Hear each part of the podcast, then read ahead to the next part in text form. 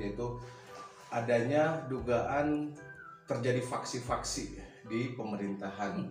Nah, mungkin ini Pak Budi yang harus menjawab Bang ya, karena apakah benar seperti itu atau itu hanya dugaan-dugaan saja? Nah, silakan Pak Budi. ya eh, dugaan tentang faksi-faksi ini memang eh, ya kalau menurut saya wajar kalau sampai muncul seperti itu.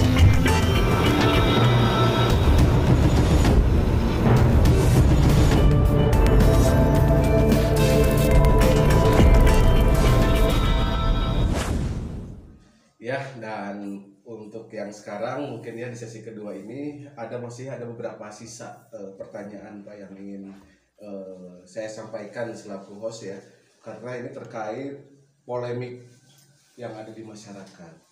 Yaitu tadi Pak Muhya sudah menyinggung di sesi awal, yaitu adanya dugaan terjadi faksi-faksi di pemerintahan.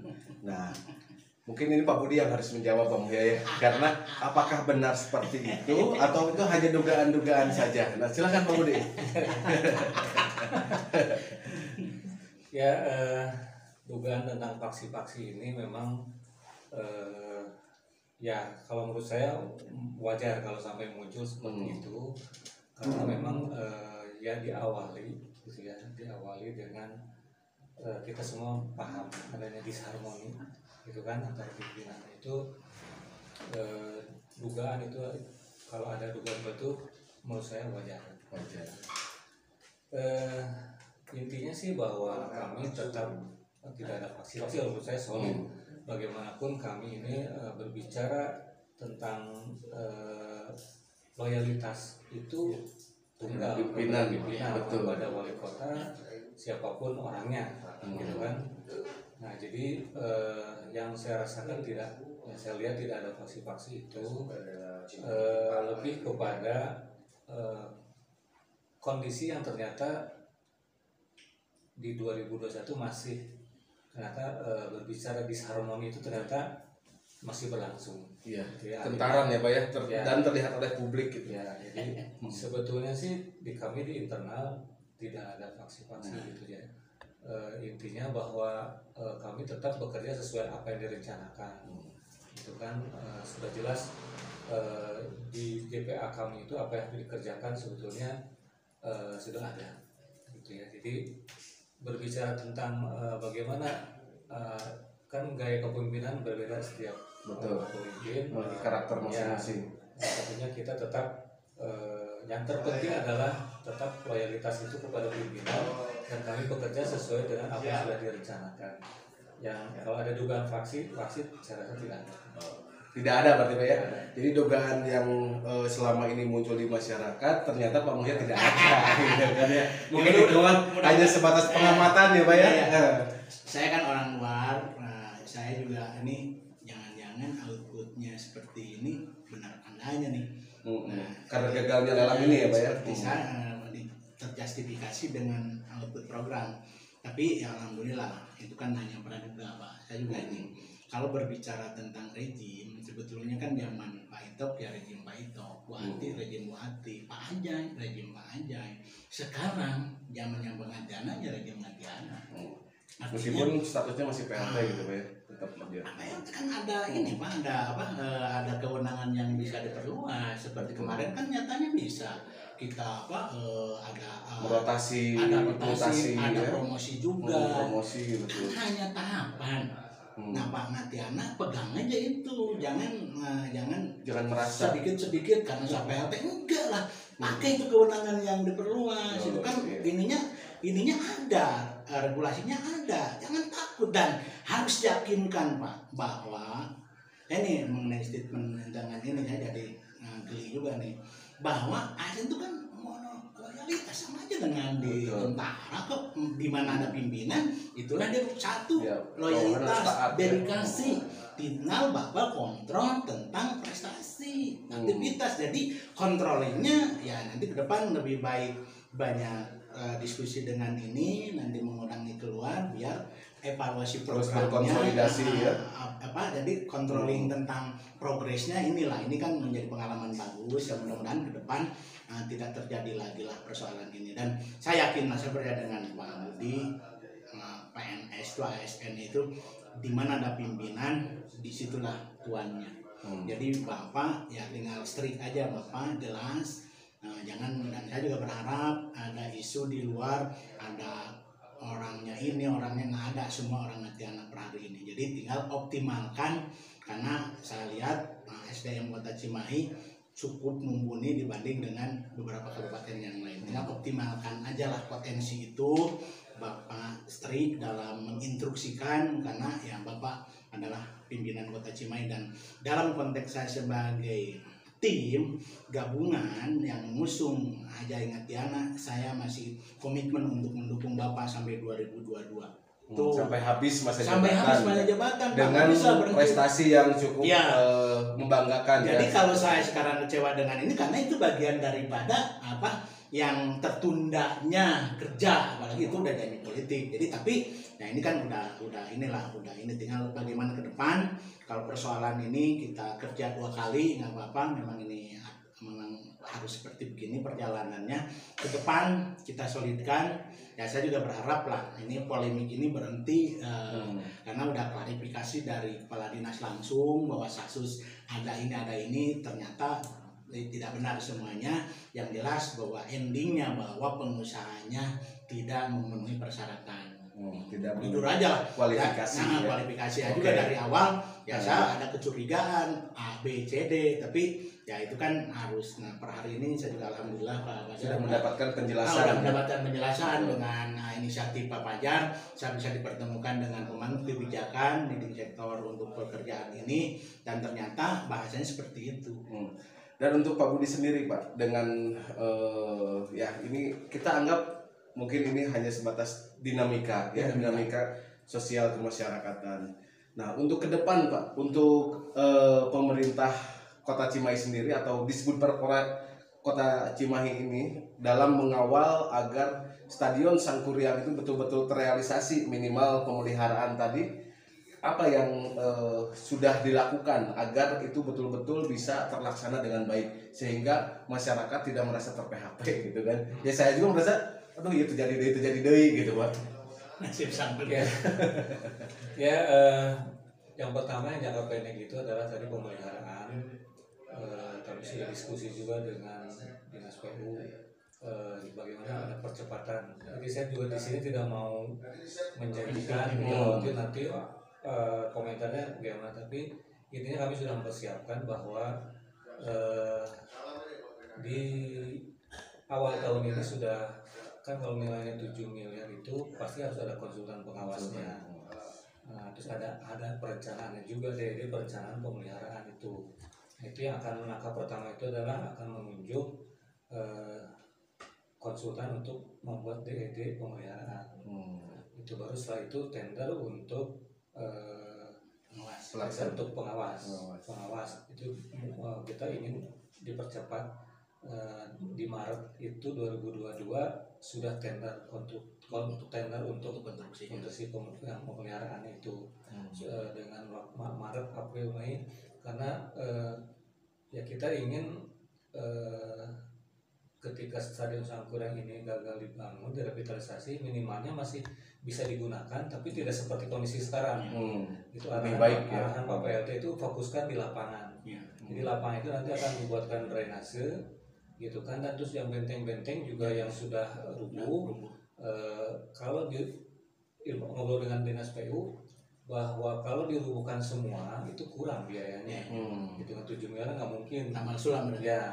Terus kalaupun eh, bentengnya diperbaiki yang hancur saja khawatir yang benteng sekarang berdiri juga ko- ko- sudah ini ya. fondasinya seperti Oh. apa juga Oh, eh, khawatir itu. Jadi kemungkinan itu dibongkar semua benteng dibuat pagar Hmm. kalau obrolan diskusi dengan PU karena juga kan kita harus menjaga ini pemeliharaan jangan sampai tahun depan dibangun si anggaran ini kan ya dia membazir juga nah jadi Hmm. teknisnya bagaimana pemeliharaan ini pada saat nanti dibangun ini tidak dibongkar Hmm. dilanjutkan ya, ya. gitu jadi Maaf. fokusnya itu eh, kemungkinan 80% untuk lapangan memperbaiki lapangan supaya bisa dipakai untuk latihan Masyarakat, ya. untuk latihan. Latihan, ya. untuk latihan latihan. Klub untuk SSB jogging tracknya pak? Ya 40 persennya mungkin di di di apa namanya eh, tribun kehormatan Ah, iya, iya. gitu ya. Kita perbaiki ada pengecetan.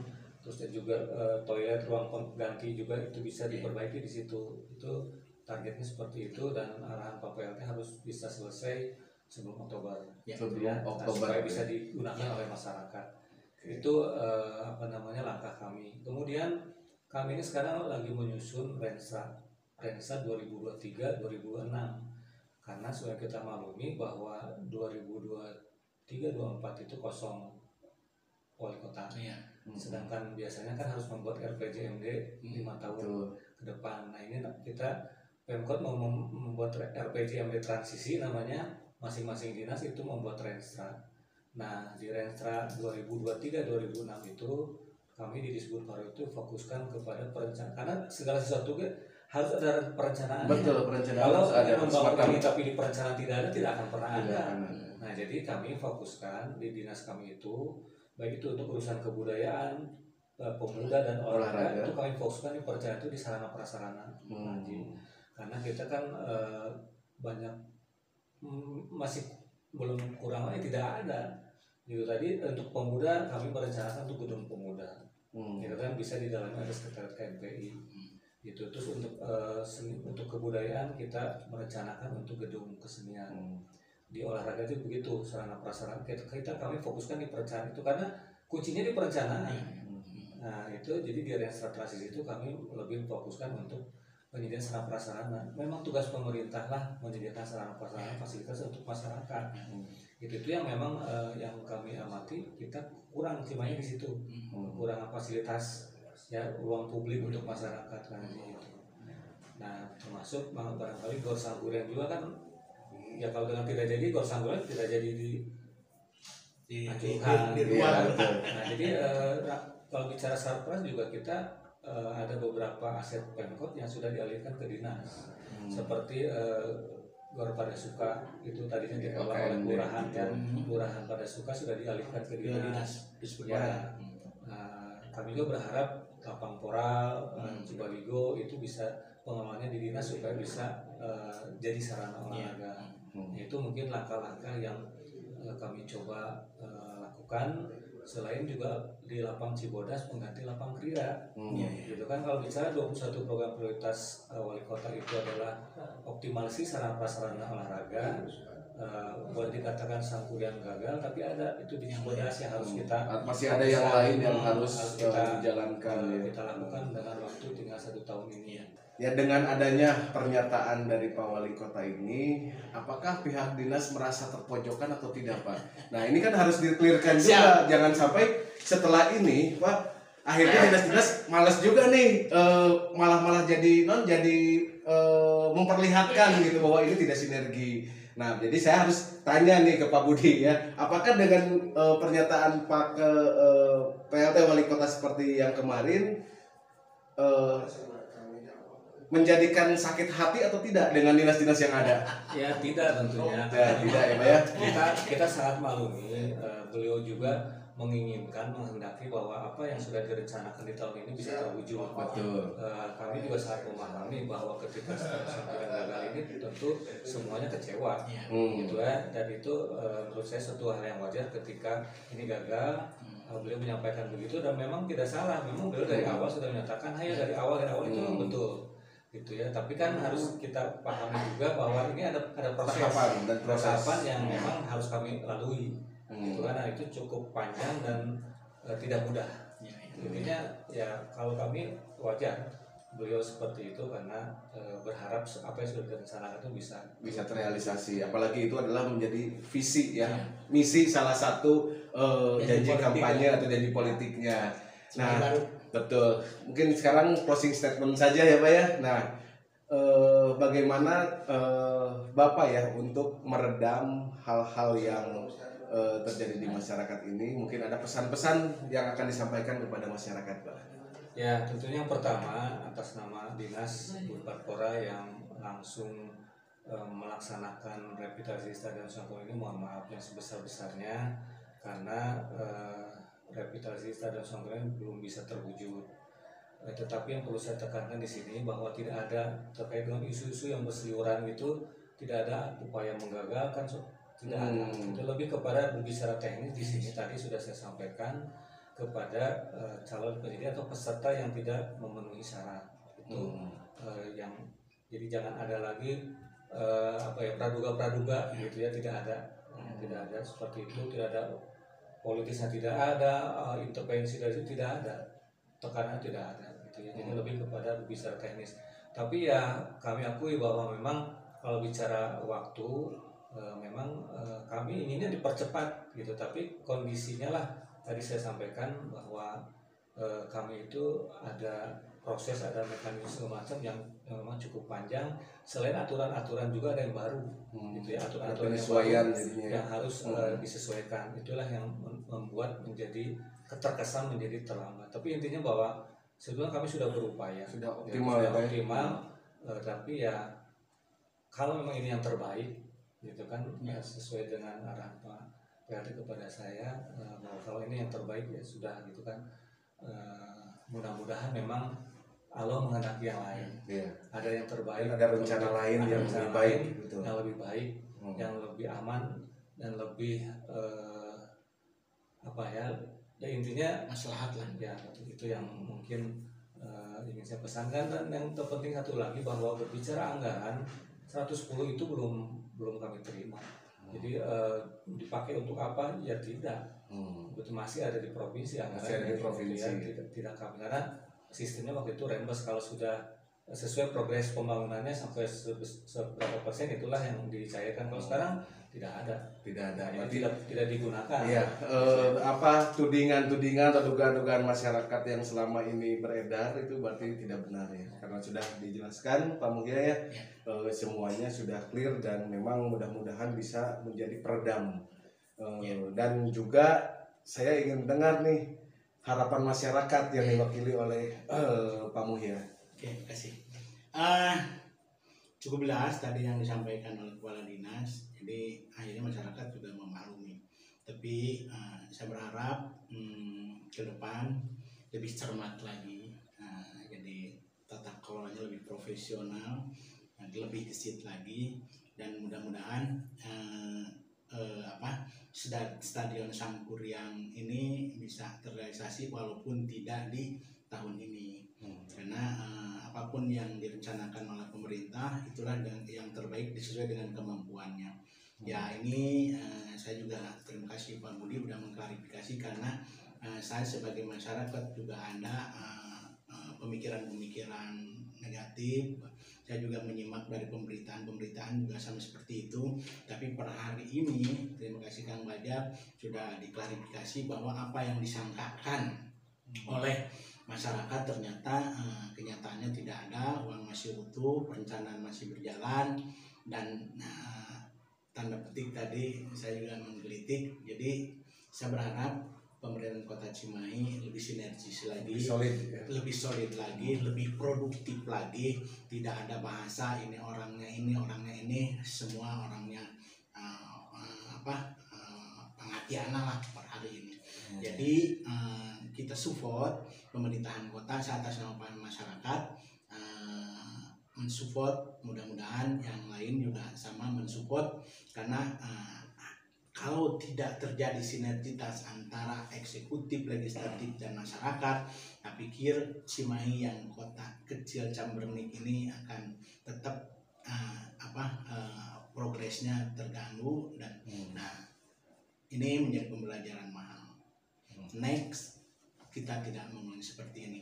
Tidak hanya di Sangguriang, stadion Sangguriang, tapi di pekerjaan-pekerjaan. Pekerjaan-pekerjaan Saya yakin dengan dan percaya terhadap aparatur potensi potensi yang ada di aparatur pemerintahan kota Cimahi tinggal memaksimalkan aja.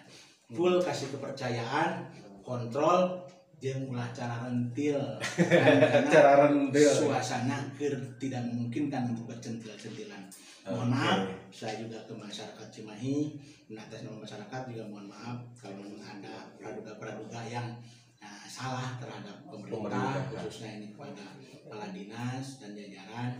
Ya saya mohon maaf juga Pak, Uh, karena ternyata kenyataannya setelah disampaikan seperti ini dan sudah berharap saya juga uh, polemik tentang Stadion Sangkuriang di stop dan kita lagi berpikir tentang uh, bagaimana Perkembangan kemajuan. Iya, lagi karena hmm, aku Masih silakan. Cimahi tiga kecamatan. Kalau saya mungkin Bang Dik paham dari dulu bahwa saya memimpikan Cimahi itu dari aturan aja berkurang Pak. Hmm. Ya.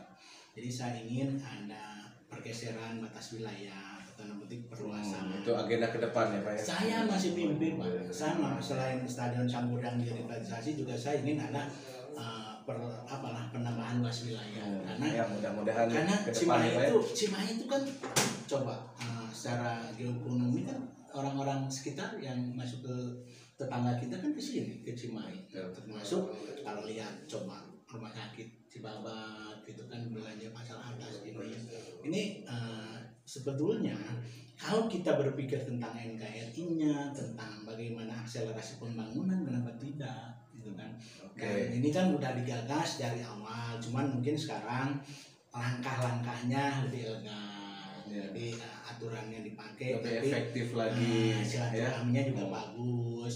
Ya agak lama tapi hasil daripada cepat tapi gagal kan.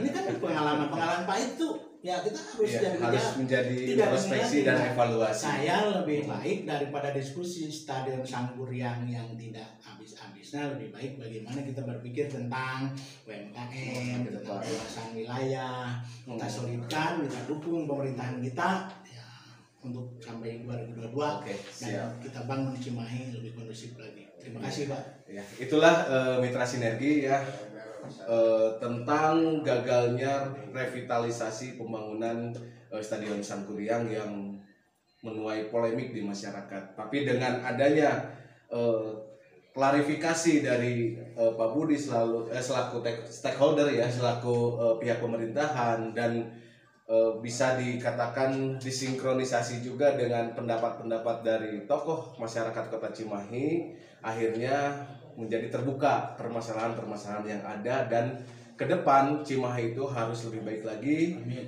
harus lebih maju lagi Amin. dan harus lebih berkembang lagi. Amin. Mungkin itu saja eh, jumpa kita saat ini. Semoga ke depan kita semua bisa eh, apa bersama-sama ya dengan pemerintah bersinergi untuk membangun kota Cimahi. Salam sinergi. Salam sinergi.